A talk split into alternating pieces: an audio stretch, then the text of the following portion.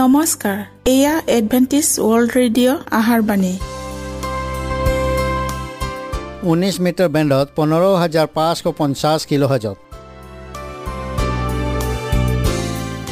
Adventist world radio যোগে অসমীয়া ভাষাত প্ৰচাৰিত আহাৰবাণী প্ৰত্যেক বুধবাৰ আৰু দেওবাৰ সন্ধিয়া সাত বজাত আহাৰবাণী শুনাৰ পিছত আপোনালোকৰ কিবা মন্তব্য আৰু প্ৰশ্ন থাকিলে আমালৈ এই ঠিকনাত লিখক। আমাৰ ঠিকনাটি হৈছে Adventist world radio' seven day Adventist মণ্ডলী অসম শাখা লতাকাটা বশিষ্ট গুৱাহাটী সাত আঠ এক শূন্য দুই ন।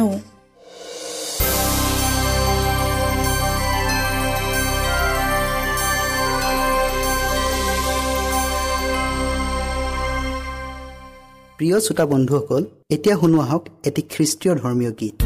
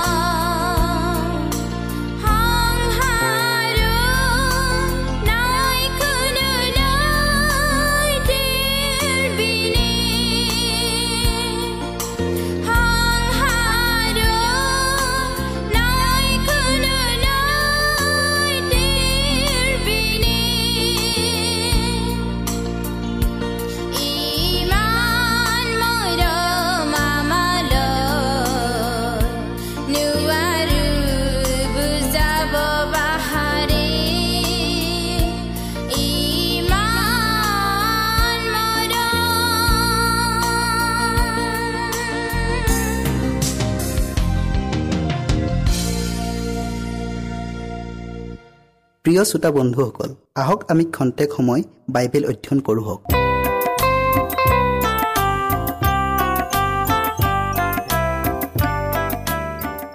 এতিয়া আমি প্ৰকাশিত বাক্যৰ তৃতীয় খণ্ডলৈ আহোঁ হওক।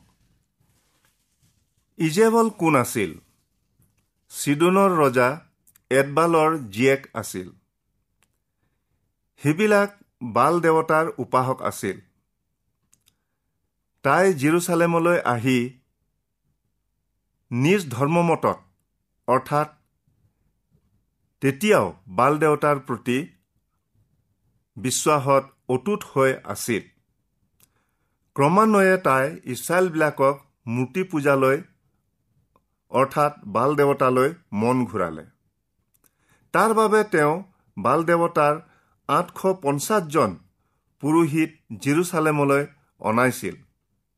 ইজেবেলক ধৰ্মীয় বিধিবোৰ নিখুঁতভাৱে পূপৰ ধৰ্মীয় বিধিবোৰৰ প্ৰতীকস্বৰূপ আছিল। ইজেবলে নিজৰ গিৰিয়েক আহাব ৰজাক স্বধৰ্ম ত্যাগ কৰালে তাই ঈশ্বৰৰ ভাওবাদী আৰু বিশ্বাসীবিলাকক তাৰণা কৰিছিল। তাই এজনী বেশ্যা আৰু মায়াবিনী আছিল।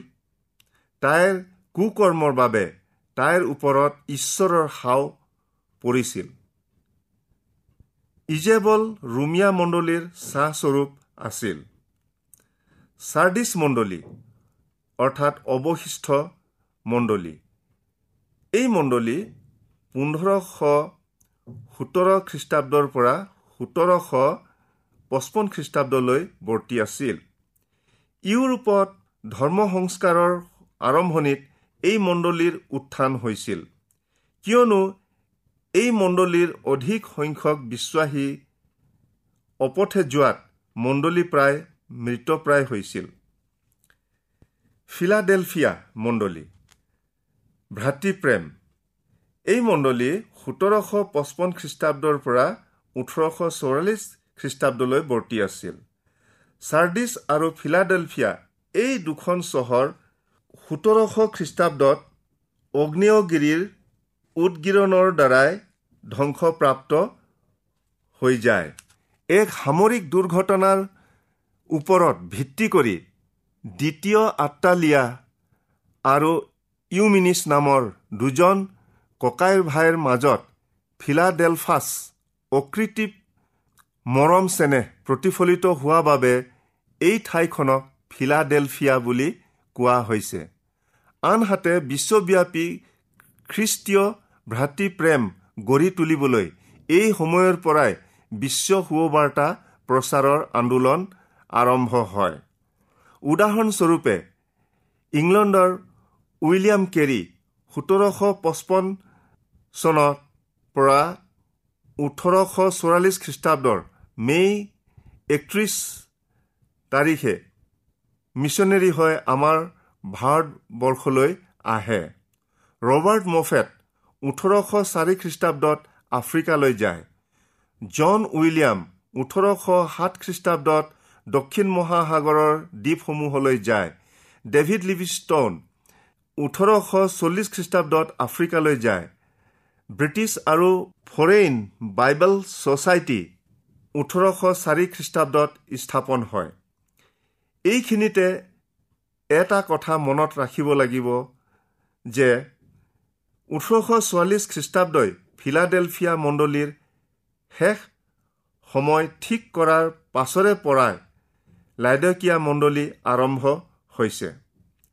লাইডকীয়া মণ্ডলী অৰ্থাৎ বিচাৰ আৰম্ভ। ওঠৰশ চৌৰাল্লিছ খ্ৰীষ্টাব্দৰ পৰা খ্ৰীষ্টীয়ৰ পুনৰ আগমন দিনলৈকে সাতোটা মণ্ডলীৰ ভিতৰত এই মণ্ডলীটোৱেই শেষ মণ্ডলী। গ্ৰীচৰ ৰজা দ্বিতীয় আন্টিয়কাছ তেওঁৰ ৰাণী লাউডিছৰ সন্মানাৰ্থে এইখন চহৰৰ নামাকৰণ কৰিছিল। এই চহৰখন লাইকাছ নদীৰ মধ্য উপত্যকাত অৱস্থিত আছিল।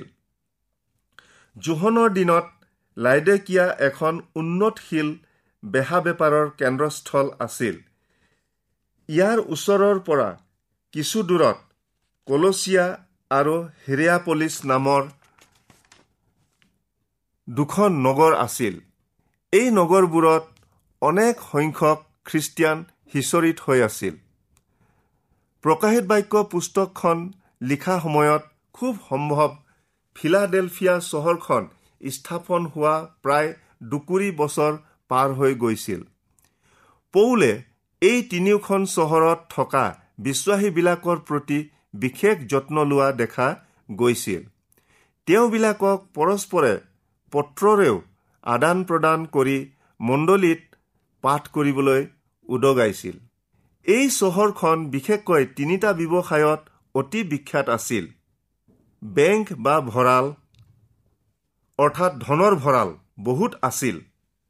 চকু কাণ আৰু নাকৰ চিকিৎসালয় আৰু বস্ত্ৰশিল্পৰ প্ৰতিষ্ঠানবোৰ আছিল। বিশেষকৈ ঊলৰ বস্ত্ৰ উৎপাদন অধিক কৰিছিল। এই লাভজনক প্ৰতিষ্ঠানবোৰৰ কাৰণে তাৰ মানুহে ধৰ্মক সমূলি বাদ নিদিলেও ধনৰ প্ৰতিও লোভ কম নাছিল। সেয়ে যীশুৱে ইয়াৰ লোকবিলাকক কৈছিল তোমালোক তপতো নোহোৱা অৰ্থাৎ সম্পূৰ্ণ বিশ্বাসীও নোহোৱা আৰু চেঁচাও নোহোৱা অৰ্থাৎ সম্পূৰ্ণ অবিশ্বাসীও নোহোৱা। এই হেতুকে মই তোমাক বটিয়াই পেলাবলৈ উদ্যত আছো। উক্ত বিষয়টো আলোচনা কৰাৰ পূৰ্বে পুনৰাই কওঁ লাইডকীয়া চহৰখনত উচ্চতা অনেক গৰম পানীৰ উহ আছিল। সেই গৰম পানীবোৰ বৈ আহি তলি পাই চেঁচা হৈ যোৱাৰ আগতে মাজভাগত কুহুমীয়া হৈ গৈছিল। সেই কুহুমীয়া পানী পি খোৱাৰ উপযুক্ত নাছিল। তদ্ৰুপ আছিল তাৰ বিশ্বাসীবিলাকৰ আত্মিক অৱস্থা। তথাপিও সিবিলাকে নিজ জ্ঞান আৰু ধনৰ বলত অধিক গৰ্বিত হৈ পৰিছিল। কিন্তু যীশুৱে সিবিলাকৰ আত্মিক বিষয়বোৰৰ দুৰ্বলতাবোৰ দেখুৱাই যেনে বা ধনৰ ভঁৰাল থাকিলেও তোমালোক দুৰ্ভগীয়া দিনহীন আৰু দৰিদ্ৰ।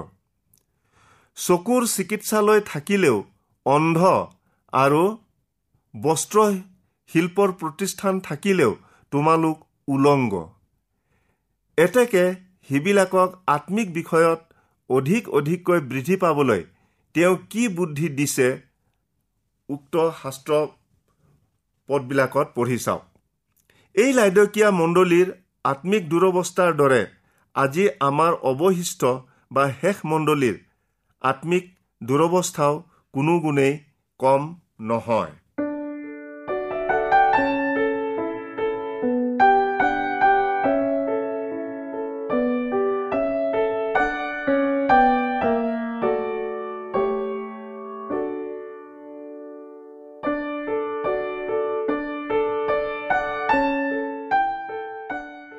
প্ৰকাশিত বাক্যৰ চাৰি অধ্যায়ত এঘাৰটা পদত তেৰবাৰ সিংহাসন শব্দটো পোৱা যায়।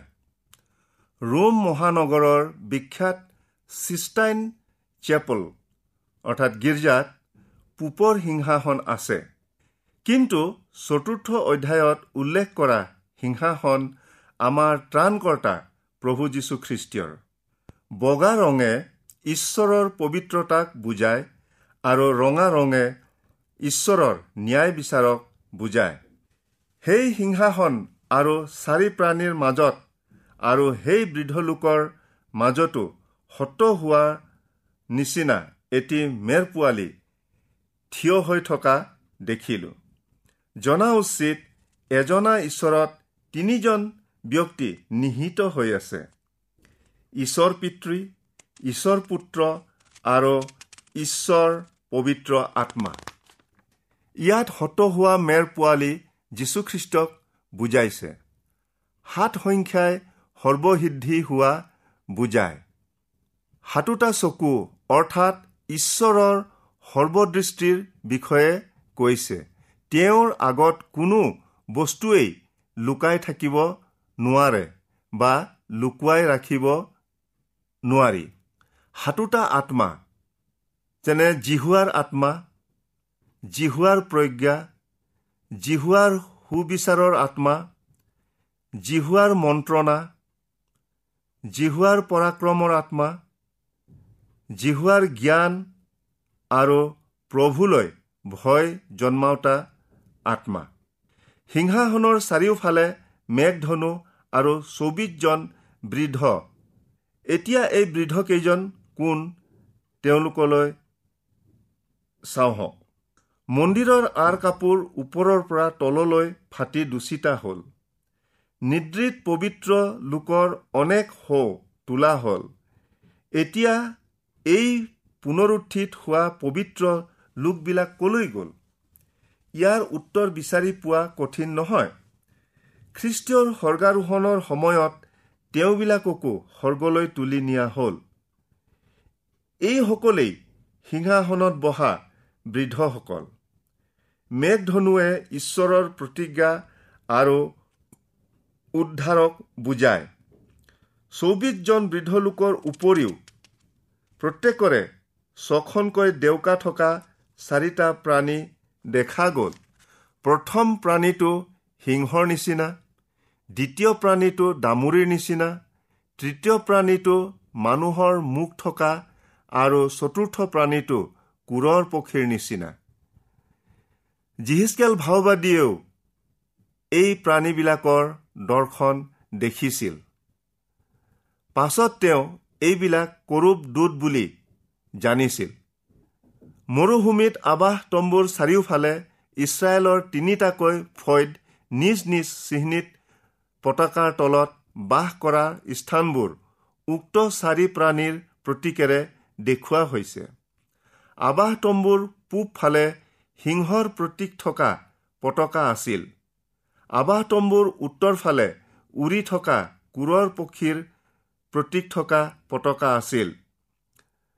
আৱাস তম্বুৰ পশ্চিম ফালে হাড় গৰুৰ প্ৰতীক থকা পতাকা আছিল আৰু আৱাস তম্বুৰ দক্ষিণ ফালে মানুহৰ প্ৰতীক থকা পতাকা আছিল। এই চাৰি প্ৰাণীয়ে বা দূতে সেৱা আৰাধনাৰ যোগ্য কোন দেখুৱাই দিছে? প্ৰকাশিত বাক্যত অধ্যয়ন কৰাৰ পূৰ্বেই নতুন নিয়মৰ প্ৰথম সুবাৰ্তাখনৰ অৰ্থাৎ মূৰ্তি লিখা চৌবিছ অধ্যায়ৰ প্ৰতি পূৰ্বজ্ঞান থকা আৱশ্যক। উভয় অধ্যায়তে যুদ্ধ বিগ্ৰহ সুৰামোৰা অকাল মহামাৰী ভূমিকম্প তাৰণা দুখ কষ্ট মৃত্যু ইত্যাদিৰ কথাবোৰ উল্লেখ আছে। মন কৰিবলগীয়া এই যে সাতোটা চাবৰ ভিতৰত চাৰিটা বিভিন্ন ৰঙৰ ঘোঁৰাৰ কথা উল্লেখ আছে। ইয়াৰ পাছত ঘোঁৰাৰ কথা উল্লেখ নাই বৰং তিনিটা চাপ বুলিহে উল্লেখ আছে। পঞ্চম অধ্যায়ত পাওঁ যে বন্ধ পুস্তকখন মেৰ পোৱালীৰ হাতলৈ হস্তান্তৰ কৰা হ'ল। যেতিয়া মেৰ পোৱালীয়ে সাতোটা চাবৰ এটা খুলিলে তেতিয়া চাৰি প্ৰাণীৰ এটাই মেঘ গৰ্জনৰ মাতেৰে মতাটোৱেই সেই সিংহৰ নিচিনা প্ৰাণীটো।